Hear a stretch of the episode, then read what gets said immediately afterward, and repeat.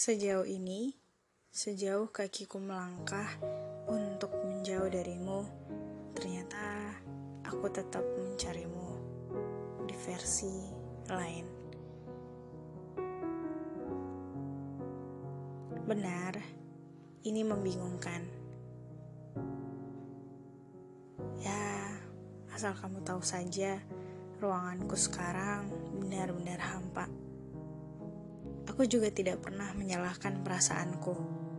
Apa pun yang kurasakan sekarang, aku rasa aku sudah cukup pandai dalam mengolah perasaan dan tanggung jawab atas kemauan hatiku. Saat ku coba untuk pejamkan mata, aku berusaha untuk mencoba melupakan segala memori yang sudah kita bersamai tentang dirimu, tentang mimpiku.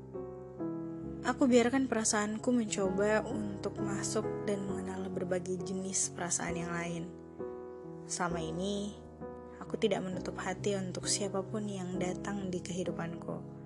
Aku tidak pernah memainkan perasaan siapa pun, karena sedari awal aku selalu memberitahu di awal jikalau hatiku tidak bisa untuk dipaksa atas dasar apa pun.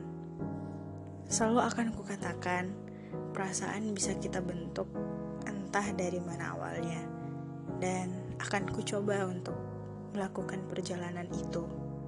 Ya, jikalau kemudian hari aku pergi, mereka sudah siap dengan apa yang kulakukan. Mereka sudah tahu resiko apa yang mereka dapatkan. Dan sejauh ini, aku selalu pergi.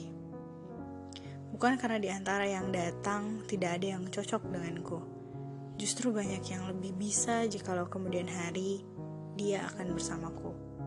Tapi, ya, mereka terlalu baik untuk aku yang tidak bisa mengimbanginya. Aku bukan tidak mengenal perasaanku sendiri. Justru ini adalah teknik memahami hati yang kita mau. Ya, dengan jalani apa yang kita inginkan, setiap keputusan dan konsekuensinya, dan konsekuensi dari perasaan yang sudah sangat percaya dahulu ternyata begitu membekas. Konsekuensi takut hal yang sama akan terulang kembali untuk kesekian kalinya. Hmm, tidak pernah aku katakan perasaanku bodoh sih. Dari perasaanku ini aku belajar banyak hal, termasuk mengenalnya. Ternyata hatiku memang sulit untuk ditebak tapi mampu untuk dibaca maunya. Ya, maunya hanya dia mungkin ya. Dia yang sudah menyakiti tapi tak bisa untuk kembali. Karena jujur, setiap mata yang kutatap hanya ada bayangnya dan hanya aja bayangan senyumnya. Semakin aku mencoba untuk menghapusnya, justru bayangnya semakin nyata, menusuk hingga di dada dan menyisakan. Berkali-kali aku menghela nafas dan berkata, Tuhan, tolonglah. Ya, jahat itu konsekuensi.